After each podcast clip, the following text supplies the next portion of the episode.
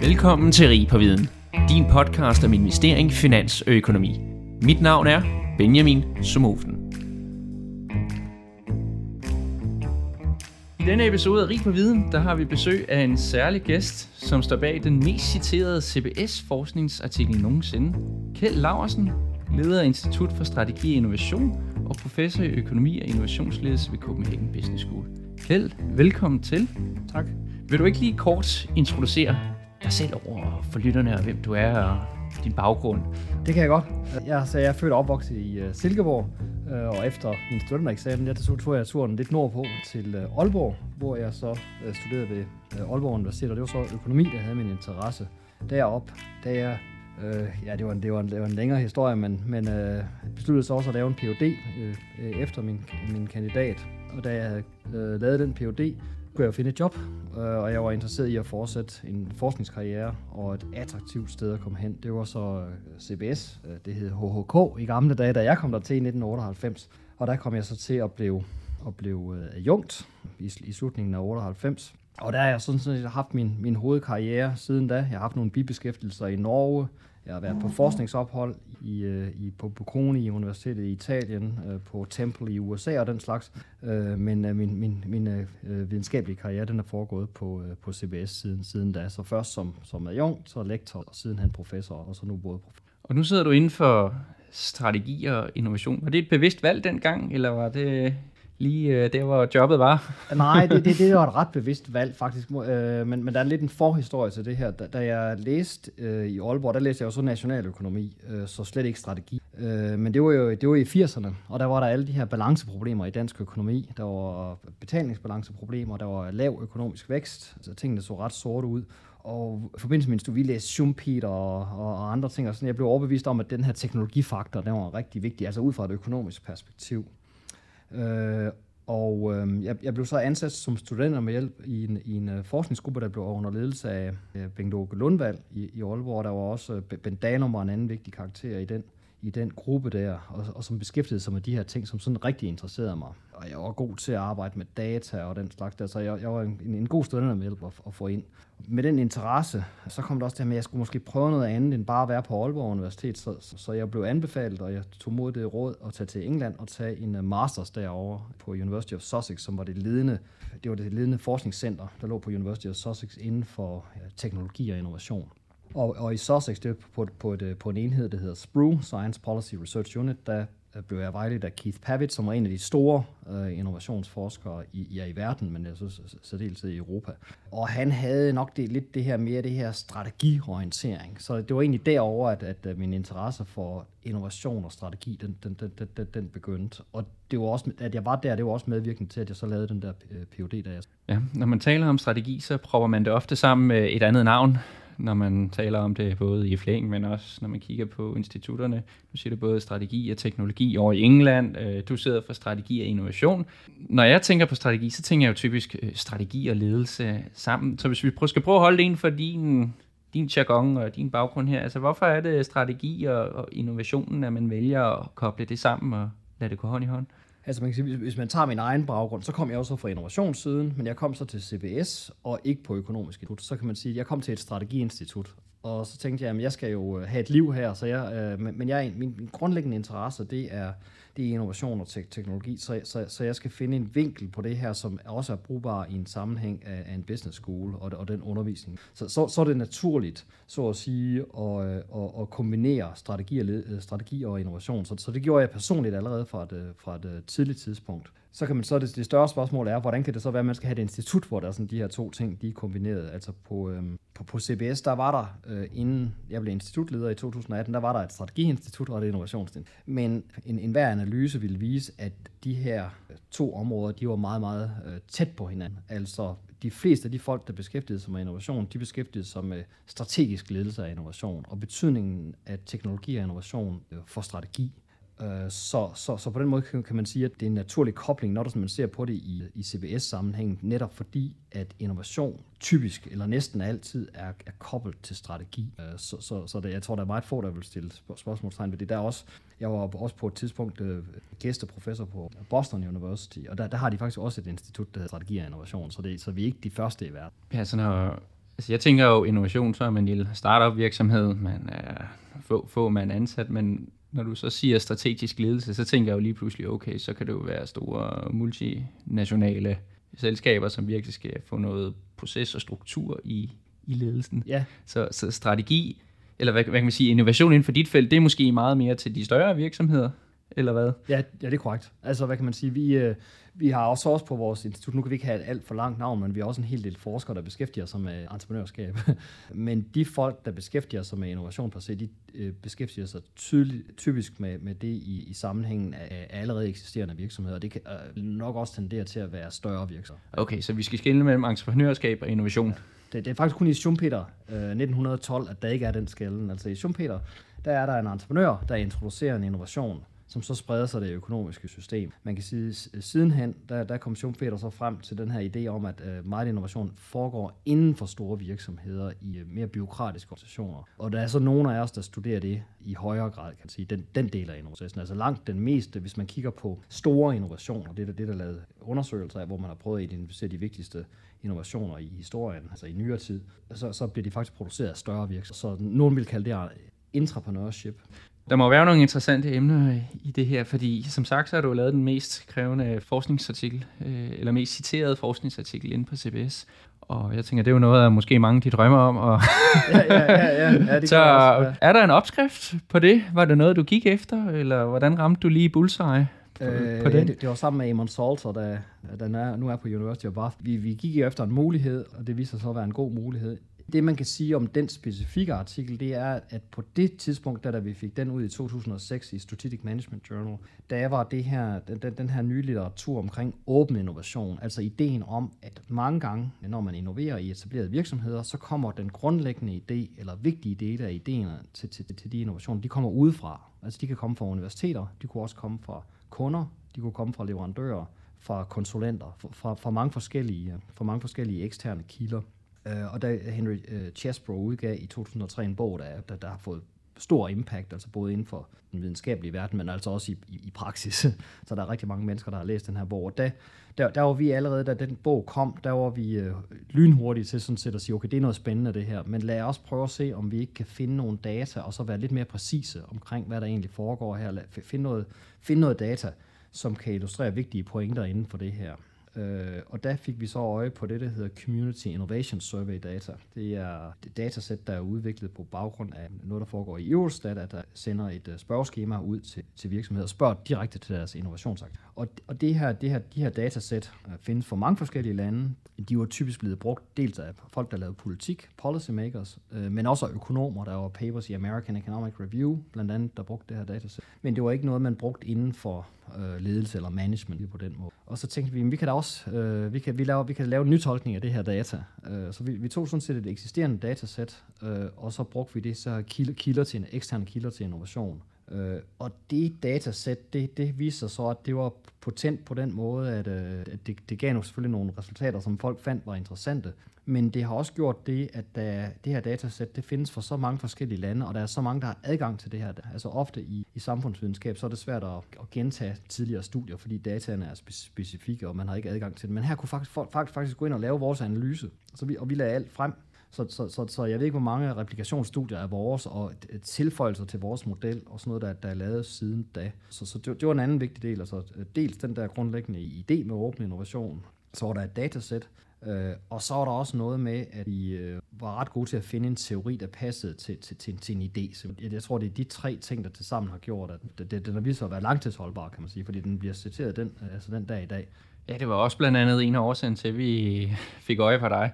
Altså mange af jer, der har lyttet med derude, vi ved jo, vi, André Henrik er, vi døjer jeg jo gerne gennem forskere inden for Institut for Egenskab eller Finansiering. Så det er måske meget rart med et frisk boost også ja. for, for strategi og innovation. Så hvis du skal prøve at, at fortælle inden for, for dit felt her, hvad er ligesom det, det nye og det hotte nu, som, som forskningen retter hen mod? Nu ramte de jo noget, kan man sige, der, der var på vej op før. Har der været en ændring, eller er det mere et, et sejtræk i den genre stadigvæk, ah, om åben innovation? Eller? Ja, åben innovation er stadigvæk et øh, øh, vigtigt emne, kan man sige. Åben og distribueret innovation, er, der, der, det, det kommer ikke til at dø ud, men det er klart, at der, der er ikke det samme potentiale i det nu, som der var dengang. Kan man sige sådan noget som platformsøkonomi. Øh, hvad, hvem, hvem vinder egentlig ved? Altså er det platform owner, eller er det de, der, der leverer apps ind på dem og den slags? Det, det er et stort område lige. Ecosystems er, er, er, er virkelig, i konteksten af innovation, er, er rigtig vigtigt lige nu. Hvem, hvem innoverer hvor i de, de her ecosystems? Men der, men der er også ting, der, det, det er nok en, en, en udvikling, der er lige nu, der kobler til større samfundsmæssige udvikling. Så der er øh, strategifolk er selvfølgelig grundlæggende sådan optaget af, hvad det giver virksomheder øh, vedvarende konkurrence. Men der er også andre ting, der spiller ind her. Øh, for eksempel migration. Hvad, hvad, hvad er øh, påvirkningen af, at man får, man, man, man får migranter ind og ansætter dem, for eksempel på innovation. Det kan være ting som køn. Øh, hvad, hvad, hvilken påvirkning har køn øh, og køns sammensætning for innovation og den slags. Så det er, det er nogle af de spørgsmål, der, der fylder en del i de, de store tidsskrifter i dag. Jeg kan godt forestille mig, at diversitet det er, det er helt op Øh, Diversitet er, er, er ekstremt vigtigt lige nu, ja. ja. Mm. Ingen undtagelse. Vi skal jo selvfølgelig også tale om en forskningsartikel øh, den her gang. Nu har vi talt lidt om din baggrund. Altså mange forskere er jo kendt for at lave en rigtig fine artikler, øh, men nu vil jeg lige hvad kan man sige, øh, læse, læse titlen op. Og den hedder Experience Matters, The Role of Academic Scientist Mobility for Industrial Innovation. Og der skal vi selvfølgelig også kreditere Ulrik Kaiser, Hans Christian Kongsted og Anne-Katrine Eising for at være medforfattere på den. Så hvis vi, bor, hvis vi lige kort skal skitsere banen op her, hvad det er, vi skal tale om, hvad er det så, I ønsker at undersøge i den her forskningsartikel, I har skrevet og lavet? Ja, altså det, det vi ønsker at, at, at bidrage til, det er den her litteratur, der ser på, hvad er jeg talte før om de her eksterne videnskilder, som man kan få, som er mere aggregeret, altså for eksempel konsulenter, universiteter eller kunder.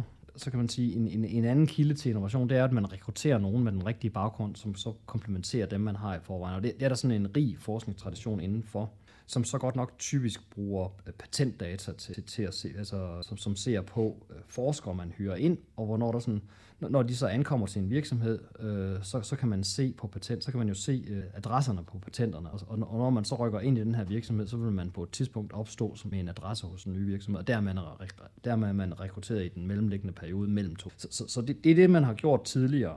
Men der, der har man ikke været i stand til i den litteratur at skælne mellem forskellige typer af humankapital, man så vores motivation til det her emne, det er, det, det går, det går, det, altså min interesse i det her går tilbage i en sådan mere generel interesse i samspillet mellem universitetsviden, videnskab og så teknologi på den anden side, som går foregår i privat virksomhed. Det, det er et emne, der altid, det er et centralt emne i innovationsforskning, særligt den, der er mindet på strategi, øh, men det er også et emne, som interesserer mig rigtig meget, så, så, så, så, så, så, så derfor bliver det så det, det specifikke mobilitetsspørgsmål her, det bliver knyttet til videnskabsforskning, som så bliver hyret ind. Altså bidrager de med noget øh, mere end andre typer af humankapital, og, og hvis det er tilfældet, er der så nogle bestemte øh, former for erfaringer, de kunne have, som så vil påvirke om man øh, får mere ud af det eller mindre ud af det, og er der også karakteristika hos virksomheden, at dem her, kunne gøre, at man enten kunne få mere eller mindre. Så, så det var det spørgsmål, vi ville. Når, når I taler om videnskabsfolk, om I kommer ud for, lad os kalde øh, teoretiske baggrunde og så ud i praksis, og kan være med til at skabe nogle patenter, er det så nogen så, som dig, Kjeld, og dine tre medforfattere her, hvis I skal ud og have noget? Eller ja, det, det, det, hvem, hvem retter det her det, så til? Vi, vi, vi, er, vi er jo så ubeskedende, at vi mener, at det nok kan generaliseres, men vi skal også være ærlige, at den her artikel, den beskæftiger sig med teknik og naturvidenskab, så, så det er ligesom det er, de, de ting, der kan oversættes direkte i patenter, som vi ser på så vi kan strengt taget ikke udtale os ud over, ud over det, det, der ligger. Okay, så øh, typisk patenttunge virksomheder som healthcare ingeniørvirksomheder. Sådan vil det være, ja. Okay, så er det selvfølgelig åben for andre studier, om man vil bygge videre op på det. Det er det, altså det, der er også et, jeg, jeg kommer lidt tilbage til data, der er jo altid den her interessante sådan kobling mellem data på den ene side, og så, og så teori på den anden side, og der, og der kan man sige, at vi skal jo så også have noget, øh, vi skal have et område, vi kan belyse, så, så, så, så, så det er sådan det pragmatiske valg. Men hvad så med alle de, de forskere her, der kommer ud i de naturvidenskabelige virksomheder? Får de skabt nogle ekstra patenter? Altså det viser vores analyse jo, at, at, øh, at de gør. Vi, det, det vi prøvede at se på, det var, på at dele det yderligere op, fordi der er jo også det, at selvom du er, det, det gik op for os efterhånden, som vi lavede det her, det er mere nuanceret, end hvad vi lige troede i starten. Det er ikke bare et spørgsmål, om man rekrutterer nogen direkte fra et universitet. Der er jo også nogen, der har, øh, lad, lad mig begynde med først at sige, at det vi ser på, det er, når jeg siger videnskabsfolk, så er det folk, der ikke bare har en Ph.D., men de har også forskningserfaring fra, fra et universitet. Altså de har en ansættelse på universitet ud over deres uddannelse. Så det, så det er det, jeg mener med det. Så det er faktisk øh, på den måde videnskab på rigtig højt niveau. Det er ikke kandidater, det kontrollerer vi også for, det er vi også med i analysen, men det vi egentlig fokuserer på, det er hvorvidt, at folk, der har arbejdet som forskere i øh, på et universitet, om de bidrager til innovationsprocessen, efter at de flyttede øh, privat virksomhed, som så innoverer op patenter. Og, og, og det vi øh, øh, så ser på i form af heterogenitet, det er hvorvidt, at det har betydning, at de så i mellemtiden har været ansat i en teknologivirksomhed eller en ikke-teknologi, Simpelthen forstået ved en virksomhed, der patenterer, eller en, der ikke patenterer. Og vi, havde en, øh, vi, har, vi har en teori, det er der også i papiret, om, at hvis man kan ansætte folk, der kan både indeholder altså en teknologibaggrund, har arbejdet i en virksomhed, der udvikler teknologier og patenter, og samtidig har en universitetsbaggrund, så vil der være en komplementaritet. Så vil det være de stærkeste. For, for. Det viser sig bare ikke at være, altså vi har et antal hypoteser, men øh, det er ikke alle hypoteser, der finder øh, støtte i de her data. Øh, så det, der rent faktisk betyder noget, det, det, det er, hvorvidt man har den her universitetserfaring eller ej. Altså hvorvidt, at man har så samtidig har, har, har haft erfaring i en teknologivirksomhed, det har, det har, det har, ikke, det har ikke nogen signifikant forskellig betydning. Så, så, så det, ligesom det, der skiller sig ud, det er hele tiden, det, det er universitetsforskningserfaringen på det efterfølgende patenteringsaftal. Okay, så hvis man kommer i skældner mellem forskellige baggrunde, hvis man kommer direkte som kandidat, hvis man kommer lige direkte fra PhD, eller hvis man har PhD og forsknings erfaring. Ja, det, det er vi også, det er mere som kontrol, men vi, vi skældner mere mellem, hvad kan du sige, er du hyret direkte fra et universitet, efter at du har forskningserfaring, eller har du været en tur omkring en anden, har du været en tur omkring en virksomhed, som enten kan være patenterende, eller har du været en tur omkring en virksomhed, som ikke er patenterende. Hovedanalysen går alene på dem, som øh, altså ser på heterogenitet imellem dem, som har forskningserfaring. Øh, og, og om det så, altså så sammenlignet med andre, så, men, men, men, men vores hovedinteresse er så at sige, om, om de giver mere og, og har haft forskningserfaring, og om det kan kvalificeres af andre erfaringer. Har du nogle tal på, hvad effekten kan være på at få de her forskere ud med Ja, så, så det, det vi finder på, hvis vi nu tager ligesom det, det mest simple resultat, kan man sige, det, det er det her resultat, hvorvidt at, øh, at man, man hyrer, altså fra et, fra et forholdsvis øh, lavt niveau, man hyrer en, en ekstra forsker, så vil man få, øh, så vil man få 20% ekstra patentering ud af det, for en typisk så, så, så, er der, så er der så yderligere en kvalificering, det er det, er det her med modtagerapparatet. Jeg ved, at vi skal tale om, om lidt det her med, at forskere er, øh, de kan jo bidrage til innovation, men de kan også være nogle besværlige nogen af forskellige årsager, om tilbage til. Øh, men øh, der, der ser vi så også på, hvorvidt at det har betydning, at den ansættende virksomhed har en videnskabsmand, kvinde i topledelsen.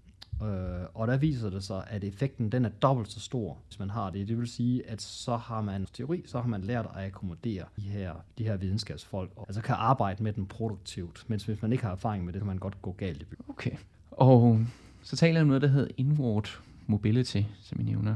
Skal vi ikke lige slå fast med syv tommer søm, ja, hvad, ja, hvad det betyder? Ja, inward mobility, ja. det er simpelthen det rekrutterings, øh, det, det er rekrutteringen af nogen. Det vil sige, at man, man for eksempel hyrer en person, der arbejder på et universitet, som så måske har lavet, som har været i gang med en postdoc, eller måske en typisk en adjunkt, og så, og så hyrer man den, den person ind i sin virksomhed. Så det er inward mobility. Der er også en litteratur som, som har at gøre med outward mobility. Det, den er også interessant, for den viser faktisk, at man også kan få noget ud af, at nogen forlader en. Og det, og det kan jo være, fordi at man så har, stadigvæk har en forbindelse til den medarbejder. Det, alt er jo ikke konkurrence. Så, så, så, så der, der, der er der andre forskere i USA, der har påvist. Jeg har faktisk også nogle af mine medforfattere på, på danske data, der har vist det.